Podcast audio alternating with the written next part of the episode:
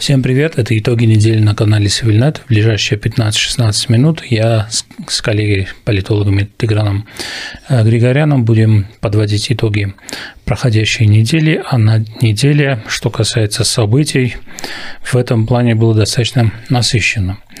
Приветствую вас, Тигран. Э, рад, что принимаете участие в нашей программе. Э, смотрите, в начале недели, недели были две достаточно важные визиты.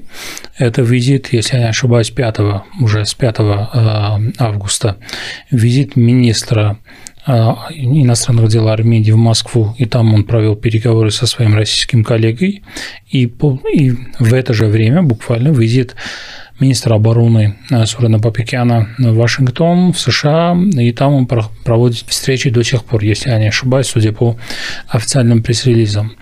А почему мы имеем вот э, два таких визита, э, противоположные силовые центры, настроенные достаточно антагонически друг другу, и что Армения, и какие месседжи Армения пытается посылать э, во время, в рамках этих визитов?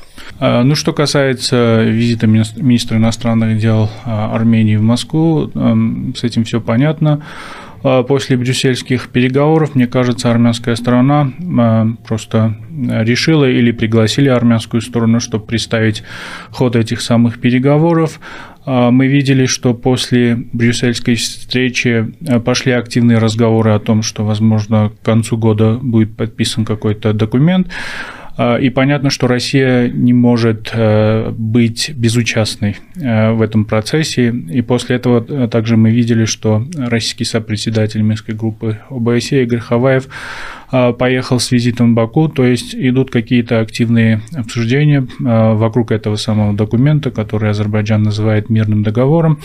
Ну, судя по официальному пресс-релизу российской стороны, были также обсуждены вопросы двухсторонних отношений.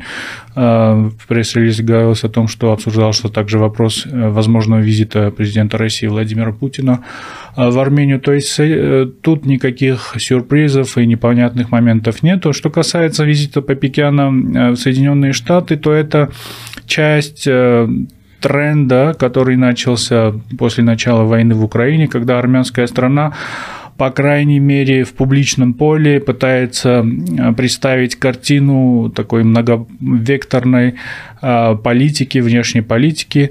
А тут нужно отметить также роль нового посла Армении в США, которая очень активно работает в этом направлении, организовывает э, всякие встречи на самом высоком уровне. Честно говоря, сложно говорить о том, о чем идут э, обсуждения в Вашингтоне и в э, других городах Соединенных Штатах между министром иностранных дел и американскими чиновниками, потому что никакой... Министром обороны. Извините, да, министром обороны, потому что никакой публичной информации нету. А, но мне кажется, что один из вопросов... То, что информации нету, то есть э, или информации достаточно скудна, информация достаточно скудна, это намекает на определенные вещи. То есть это от этого не то, что вопросов, а, от этого вопросов становится больше гораздо. То есть, а может быть, они что-то что на самом деле обсуждают, что стоило бы узнать, или, или этого не стоит узнать. Мне кажется, один из вариантов, который может, может иметь место, это э, попытки Армении найти какие-то альтернативные рынки для приобретения э, военной техники или военной а, продукции, потому что мы знаем, я, я не э, берусь утверждать, что этот визит именно uh-huh. был, был организован для этой цели, но я знаю, что в последнее время идут активные поиски каких-то альтернативных рынков, потому что российская страна из-за ситуации в Украине на данный момент не способна обеспечивать Армению теми нуждами военными э, или военно-техническими, которые э, есть э, у страны. И мне кажется, эти визиты тоже в определенной мере согласованы с российской стороной. То есть Армения, понятно, что не будет там покупать оружие а, у каких-то западных стран или не западных стран. Мы видим, что идут активные разговоры также а, по поводу Индии, например, без обсуждения, без, без предварительного обсуждения с российской стороной. Но мне кажется, вот это один из самых важных направлений, по которым, по которому сейчас работает армянская страна. Хорошо, понятно. Ну, смотрите, после вот э, визита министра иностранных дел состоялся визит э, во Владивосток для участия в Восточном экономическом форуме премьер-министра Армении Никола Пашиняна. Никола Пашинян во время своего выступления на этом форуме во Владивостоке неоднократно поблагодарил Владимира Путина за тесную кооперацию, за экономическое сотрудничество и так далее. Даже говорил о том, что вот Армения управляет всеми теми рисками, которые могут возникать э, в рамках сотрудничества или углубления сотрудничества с Россией из-за наложенных на Россию санкций западных. Ну, Армения, в общем, управляет эти риски для того, чтобы не попасть под вторичные санкции. Понятно, что важные внешнеполитические события транслируются во внутренней политике армии соответствующим образом, да, и прозападные, так скажем, прозападно настроенные э, сподвижники Никола Пашиняна в это время, когда он во Владивостоке благодарил Владимира Путина, то есть э, в целом была, была атмосфера такого достаточно тесного, глубокого сотрудничества Армении и России, они, э, эти вот сподвижники Никола Пашиняна и вообще власти гражданского договора, они, ссылаясь на визит э, Сурена Бабикяна в США, чуть ли не представляли это как внешнеполитический разворот Армении, Э, или Армения меняет вектор во внешней политике, или чуть ли не завтра или послезавтра приобретет оружие у США и так, и так далее и тому подобное. Вот почему мы видим, такую информационную картину? С одной стороны, власти благодарят Россию, а с другой стороны, э, люди, которые стоят, э, ну, не враждуют с властью, по крайней мере. Люди, которые достаточно лояльно относятся к этой власти, они соответствующим образом ведут свою информационную линию. А, ну, одна версия это состоит в том, что эти люди представляют желаемое за действительное. То есть, ну да, Армения всегда пытается по крайней мере, на публичном уровне вести такую многовекторную политику. То есть все эти встречи, визиты – это не новость. Всегда были такие встречи и визиты, и представлять эти встречи как какой-то показатель или индикатор смены внешнеполитического курса, конечно, несерьезно. Второй момент – это, конечно, э, то, что эти люди играют также на внутреннюю публику. То есть даже Никол, если мы будем следить за выступлениями Никола Пашиняна, то когда он обращается к внутренней публике, то там довольно-таки очевидные э, намеки или упреки в сторону России. Даже если вспомним последнюю речь Никола Пашиняна, посвященную Декларации независимости Армении, там черным по белому, в принципе, для всех людей, которые понимают контекст, э, были обвинения в сторону, в сторону России, что вот у нас есть союзники, которые союзничают с нашими врагами и тому подобное. То есть для внутренней публики есть вот этот нарратив, что эти власти являются какими-то защитниками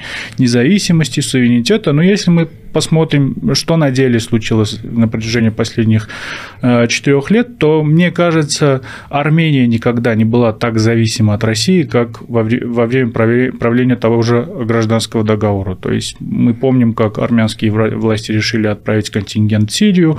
Мы видим, что российское военное присутствие в Армении расширяется.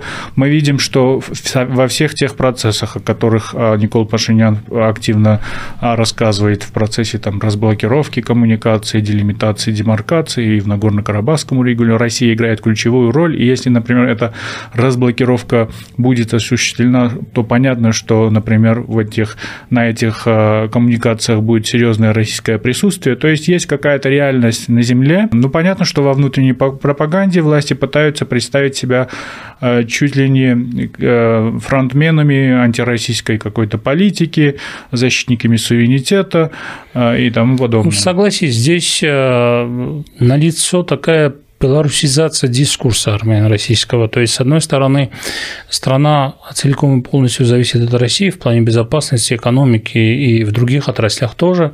Э, но, с другой стороны, она во внутренней хотя бы политике ведет достаточно такую, ну, на публичной арене иногда ведет достаточно такую жесткую линию или пытается вести такую жесткую линию а, по поводу защиты там, суверенитета, и иногда делает а, определенные подколы или уколы, так скажем, сторону России, на выпады информационные, речевые и так далее.